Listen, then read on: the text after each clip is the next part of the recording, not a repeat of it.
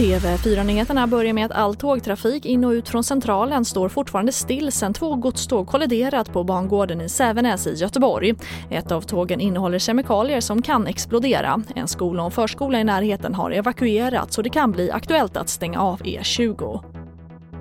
Och en man i 50-årsåldern har hittats död i en polisarrest i Kalmar, det skriver polisen på sin hemsida. Mannen var omhändertagen för berusning och arrestpersonalen påbörjade återupplivningsförsök och tillkallade ambulans men hans liv gick inte att rädda. Och en ny studie med 70 000 deltagare visar att barn till gravida som fått vaccination mot svininfluensan inte löpt ökad risk för allvarliga biverkningar. En positiv fingervisning inför kommande covid-19-vaccination menar forskarna bakom studien. Kvinnor som har fått vaccin mot svininfluensa, deras barn dör inte mer, de löper inte någon ökad risk för missbildningar, de får inte mer autism. Vi ser inget samband mellan vaccin hos gravida och påverkan hos det nyfödda barnet eller senare i barndomen. Och det sa Jonas Ludvigsson, barnläkare och professor i klinisk epidemiologi på KI som också får avsluta TV4-nyheterna. Jag heter Charlotte Hemgren.